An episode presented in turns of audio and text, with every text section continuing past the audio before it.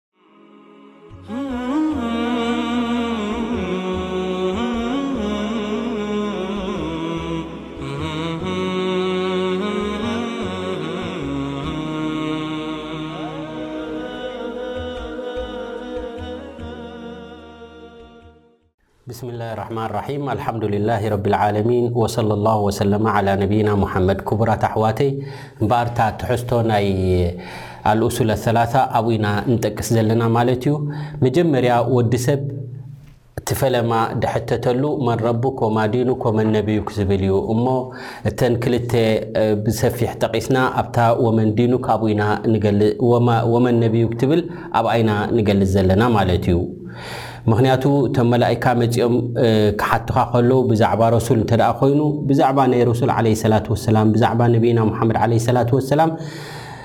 ቀድሪ ልዋጅብ ዝኾነ እውን ፍልጠት ክህልወና ኣለዎ ኢልና ኣብ ሪዋየት ኣልቡኻሪ ወሙስሊም ዝርከብ ብዛዕባ ናይ ረሱል ዓለይሂ ሰላት ወሰላም ሽሞም ድዩ ትሕዝቶ ሒዘሞ ድመጹ ድዮም እዚ ኩሉ እዚ ዓይነታት እዚ ኣብቲ ኣወል ለይላ ትሕተተሉ ምዃኑ ኢልና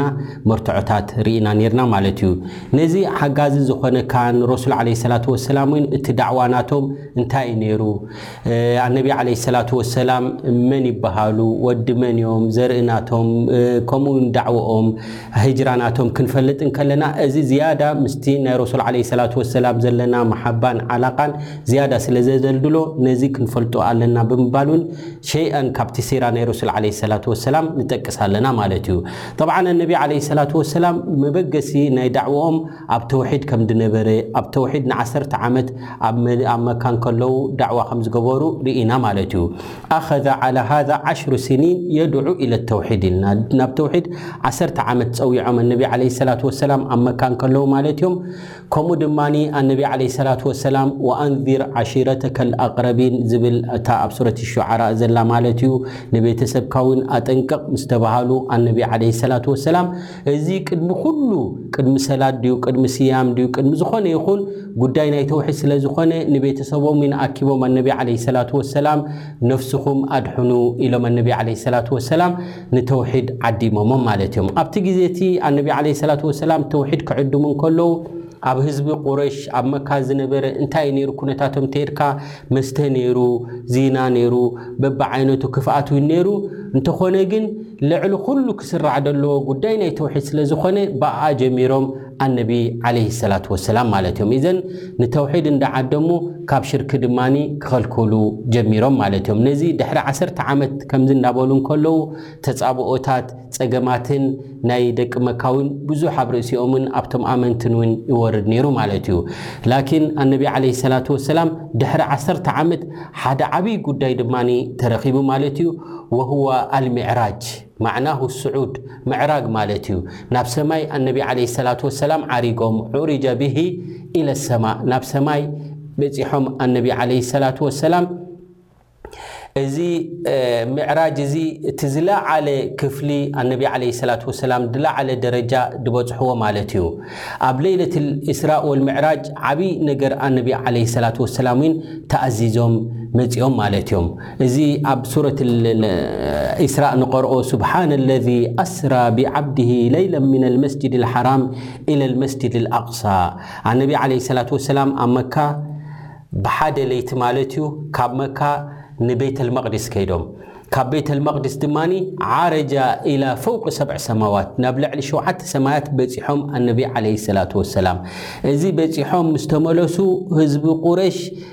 ጌና ቁሩብ ምስ ሰምዕዎ እንዳ ጎየዩ ከይዶም ኣማኒኦም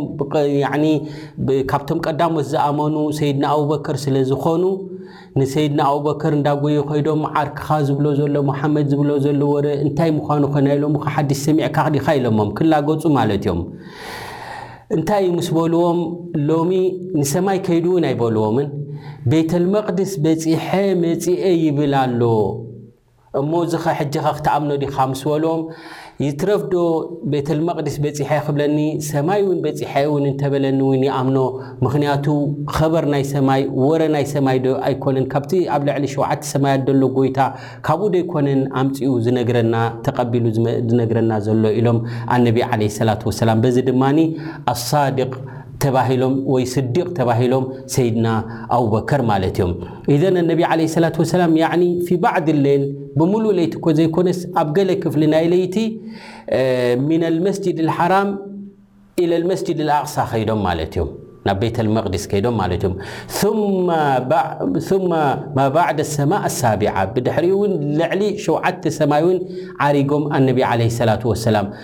ثመ የርጅዑ ኢላ ቤት ልመቅዲስ ብድሕሪኡ ናብ ቤት ልመቅዲስ ተመሊሶም ማለት እዮም ثመ የርጅዑ ምን ቤት ልመቅዲስ ኢላ መካ ብድሕሪኡ ናብ መካ ተመሊሶም ወፊራሽሁ ለም የብሩድ እቲ ደቂሶምሉ ዝነበሩ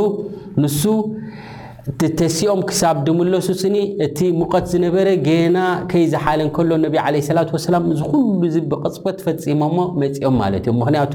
ረቢ ስብሓንሁ ወተዓላ ድላዩ ዝገብር ንሓደ ኩነት ናብ ሓደ ኩነት ክቕይር ዝኽእል ንሱ እዩ ኣላህ ስብሓነሁ ወተዓላ እንተ ሓደ ነገር ደልዩ ኩን ይብሎ ይኸውን ማለት እዩ። ሃዛ ላ ሸከ ኣነሁ ምማ ኣክረመ ኣላሁ ጀለ ወዓላ ብሂ ነቢየሁ ዓለይሂ ሰላቱ ወሰላም እዚ ጠብዓን ዓብይ ዓብይ ዓብይ ክብረት ንረሱል ዓለይሂ ሰላቱ ወሰላም ማለት እዩ። ኣብዚ ለይቲ እዚ ፉሪደት ዓለይሂ ሰለዋት ልኸምስ ሓሙሽተ ወቕቲ ኣብ መዓልትን ለይትን ሰባት ክሰግዱ ከም ዘለዎም እዚ ትእዛዝ እዚ ሒዞም ኣነቢ ዓለ ሰላት ወሰላም መፂኦም ማለት እዮም ከምዛ ሕጂ ንሰግዳ ዘለና ፈጅሪ ዙህሪ ዓስሪ መቕሪብ ኣልዕሻ ኢልና ንሰግዳ እዚ ዓይነት እዚ ተኣዚዞም መፂኦም ማለት እዮም ኣነቢ ዓለ ሰላት ወሰላም ምስ መፁ ብመካ ምስ ተመለሱ ንግሆ መጺኡ ድማ ጅብሪል ዓለይሂ ሰላም ድማ ከመይ ጌርካ እትስገድ ከመይ እትገባባእ ከመይ እትወቕታ ድማ ኩሉ ድማ ንረሱል ዓለይሂ ሰላቱ ወሰላም ሓቢርዎም ማለት እዩ ፈሰላ ፊ መካ ሰላቱ ስኒን እዛ ሰላት እዚኣ ምስ ተኣዘዘቶም ኣብ መካ ክንደይ ዓመት ጸኒሖም ሰለስተ ዓመት መጀመርያ ዓሰርተ ዓመት ጸኒሖም ድሕሪ ንቡዋ መሊሶም ድማ ሰለስተ ዓመት ድማ ድሕሪ ሰላት ምስ ተኣዘዙ ድማ ኣብ መካ ጸኒሖም ኣነቢ ዓለይሂ ሰላቱ ወሰላም እዛ ሰላት እዚኣ ኣብ መካ ከለዉ ተኣዚዞም ማለት እዮም ብድሕሪኡ ከ እንተ ኢልካ ብድሕሪኡ ወባዕድሃ ኡሚረ ቢልሂጅራ ኣነቢ ዓለይሂ ሰላቱ ወሰላም ካብ መካ ንኽሃጅሩ ንኽስደዱ ተኣዚዞም ማለት እዮም ናበይ ክስደዱ ማለት እዮም ኢለል መዲና ናብ መዲና ተሰዲዶም ያዕኒ ሰለ ሰነ ልዓሽራ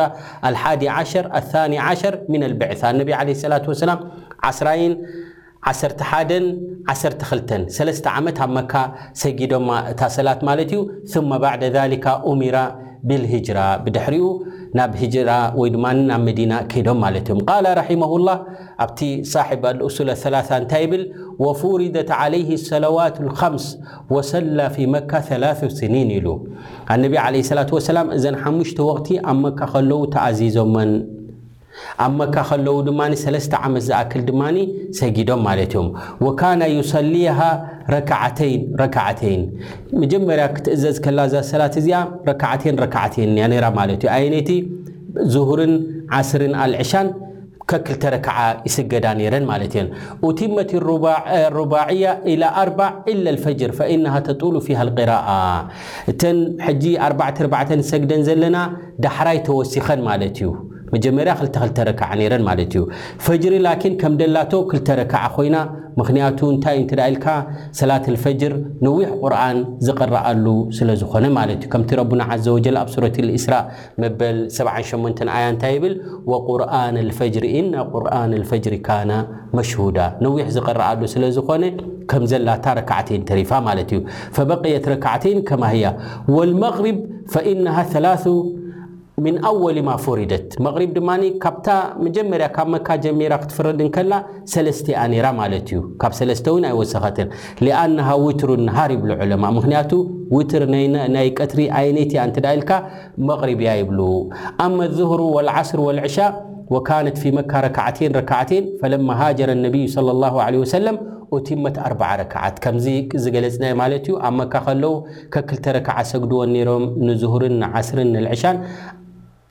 ኣብ መዲና ምስ ከዱ ግን ትእዛዝ መጺኡ ሓድሽ ኣርባዕተ ረክዓ ክሰግድወን ጀሚሮም ማለት እዩ። ኣብ ሓዲስ ሰሒሕ ኣሎ ኣወል ማ ፉሪደት ሰላት ረክዓቲን ረክዓቲን ፈለማ ሃጀረ ነቢዩ ሰለላሁ ዐለይሂ ወሰለም ኡቲመት ሰላት ልሓደር ወበቅየት ሰላቱ ሰፈር ኣነቢ ዓለይሂ ሰላቱ ወሰላም ክእዘዙ ከለዉ ከክልተ ረክዓ እየን ነይረን፣ በዓል ዙሁርን ዓስርን ኣልዕሻን። ኣብ መዲና ምስ ሃጀሩ ግን ኣኣርባዕተ ረክዓ ኮይነን፣ ኣብ ግዜ መገሻ ክኸውን ከሎ ግን ከምታ ቅድሚ ህጅራ ዝነበረት ከምኣ ተሪፋ ማለት እዩ። ስለዚ ገያሻይ እንተድኣ ኮይኑ ዙሁርን ዓስርን ኣልዕሻን ከክልተ ረክዓ እዩ ዝሰግድ ከምቲ ኩላትና እንፈልጦ ማለት እዩ። ኢዘን መስኣላ ኣሎ ብእጅማዕ ኣህሊል ዕልም ኣነ ሰላት ፉሪደት ቢመካ።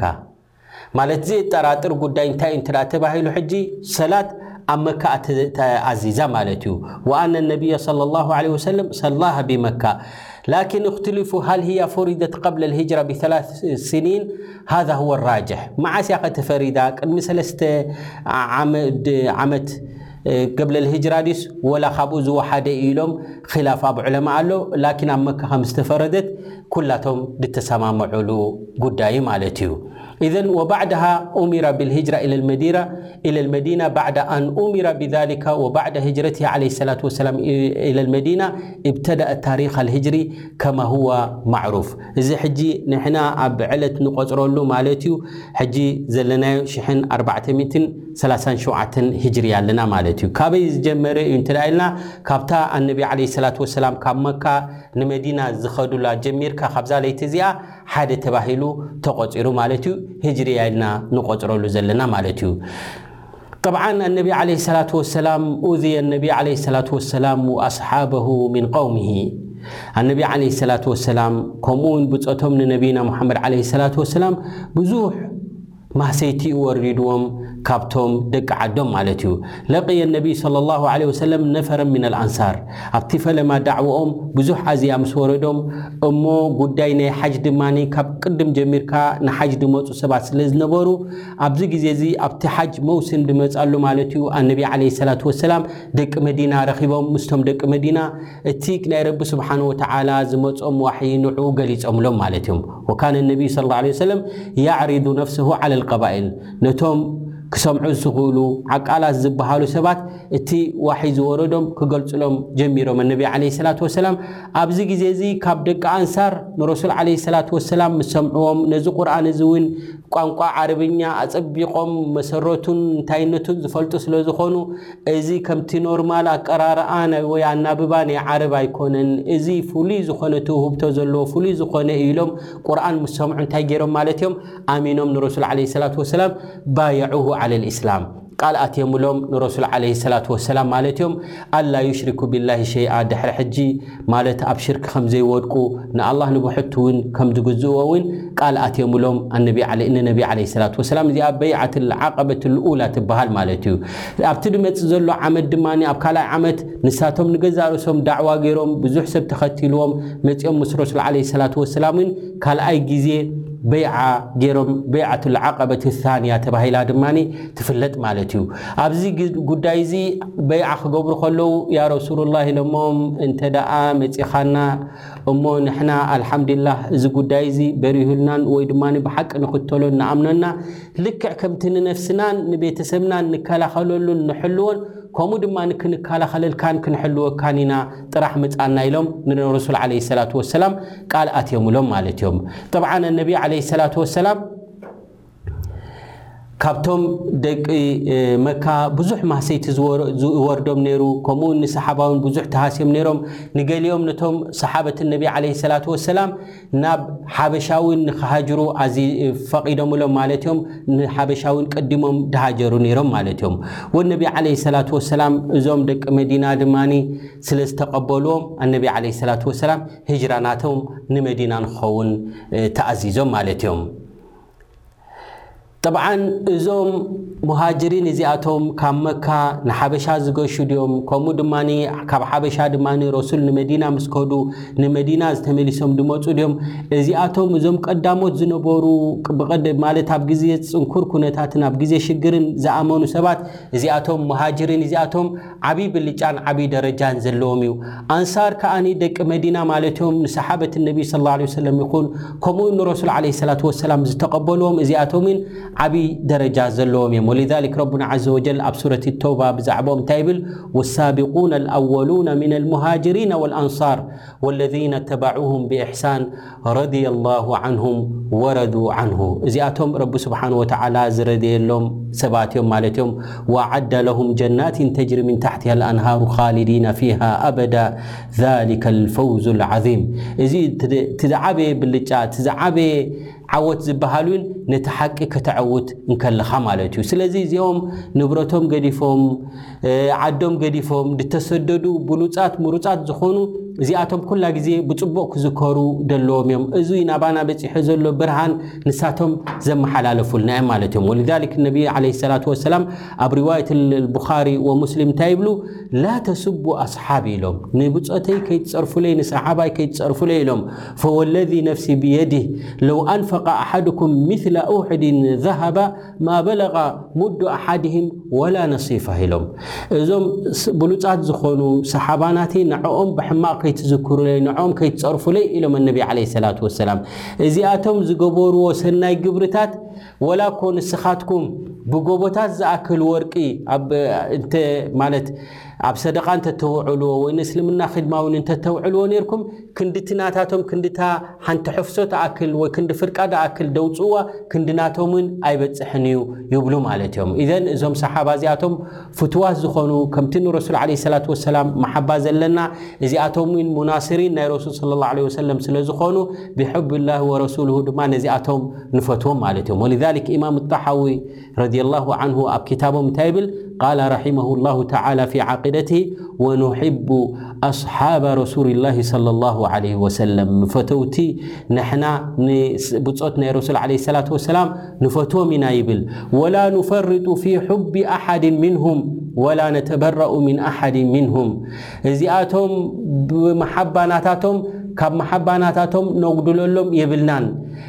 በል ካብኣቶምውን እገለ ከምዚ እዩ ኢልና ድማ ንጻረሮውን የብልናን። ወኑብጊዱ መን ዩብጊድሁም ወቢገይሪ ልሓቂ የዝኩርሁም ንቲ ንዕኦም ድጸልእ ዝኾነ ንሕና ጸላእቱ ኢና፣ ነቲ ንዕኦም ብሕማቕ ድዝክሮም ዝኾነውን ንዕኡ ንሕና ንጸልኦን ዘይንፈትዎን ካባና ዝረሓቐን እዩ ይብል ማለት እዩ። ወላ ነዝኩርሁም ኢላ ብልጀሚል ክንዝክሮም ተኾይንና ነዞም ብጾት ናይ ረሱል ዓለይሂ ሰላቱ ወሰላም ብጽቡቕ ተዘይኮይኑ ብሕማቕ ኣይንዝክሮምን ኢና። ወሑብሁም ዲን ወኢማን ወኢሕሳን ንሰሓባ ምፍታው ድማ ሓደ ካብቲ ዓብይ ናይ ዲን ምልክት እዩ ማለት እዩ ናይ ኢማን ምልክት ናይ ኢሕሳን ምልክት እዩ ወቡቕድሁም ኩፍሩን ወኒፋቁን ወጥቕያን ነዚኦም ሰሓባ እዚኣቶም ምፅላእ ንዓቶም ዘይምፍታው እዚ ሓደ ካብቲ ክሕደትን ኒፋቅን ካብ ወሰን ምሕላፍን እዩ እምበር እዚኣቶም ክፍተዉ ዘለዎም ሓገዝቲ ናይ ረሱል ደገፍቲ ናይ ረሱል ስለ ዝኾኑ ረቢ ስብሓን ወተዓላ ዝረደየሎም ስለ ዝኾኑ እዚኣቶም ፍትዋት እዮም ናባና ይብል ማለት እዩ እዘን ኣነቢ ዓለ ሰላት ወሰላም ሂጅራ ምስ ተፈቐደሎም ማለት እዩ፣ እዞም ብሉጻት ዝኾኑ ደቂ ኣንሳር ድማ ተቐቢሎሞም ማለት እዮም። ልክዕ ከምቲ ከም ስድርኦም ከም ንብረቶም ዝከላኸልሉ ዝከላኸልዎ ድማ ንረሱል ዓለይሂ ሰላቱ ወሰላም ድማ ናይ ብሓቂ ፈትዮሞምን ናይ ብሓቂ ድማ ተኸላኺሎምሎም ማለት እዮም። ኣነቢ ዓለይሂ ሰላቱ ወሰላም ካብ መካ ንመዲና ሂጅራ ክኸዱ ከለዉ ቀሊል ኣይኮነን ነይሩ ማለት እዩ። በል ኣብ ዝሃጀርሉ ግዜ ህዝቢ ቁረሽ ሎሚ ከየምልጠና ሙሓመድ ኢሎም ዓለይሂ ሰላቱ ወሰላም ክቕተል ኣለዎ ኢሎም ብዙሕ እዮም ሓቂኖም ማለት እዮም ላኪን በቲ ዝደለይዎ ስለ ዘይከውን ረቢ ስብሓን ወተዓላ ዝደለዮ ስለ ዝፍፀም ድማ እና ኣብ ጥቆም በፂሖም ከለዉ ክረእይዎምን ኣይከኣሉን ማለት እዮም ወነቢ ዓለይሂ ሰላቱ ወሰላም ድማ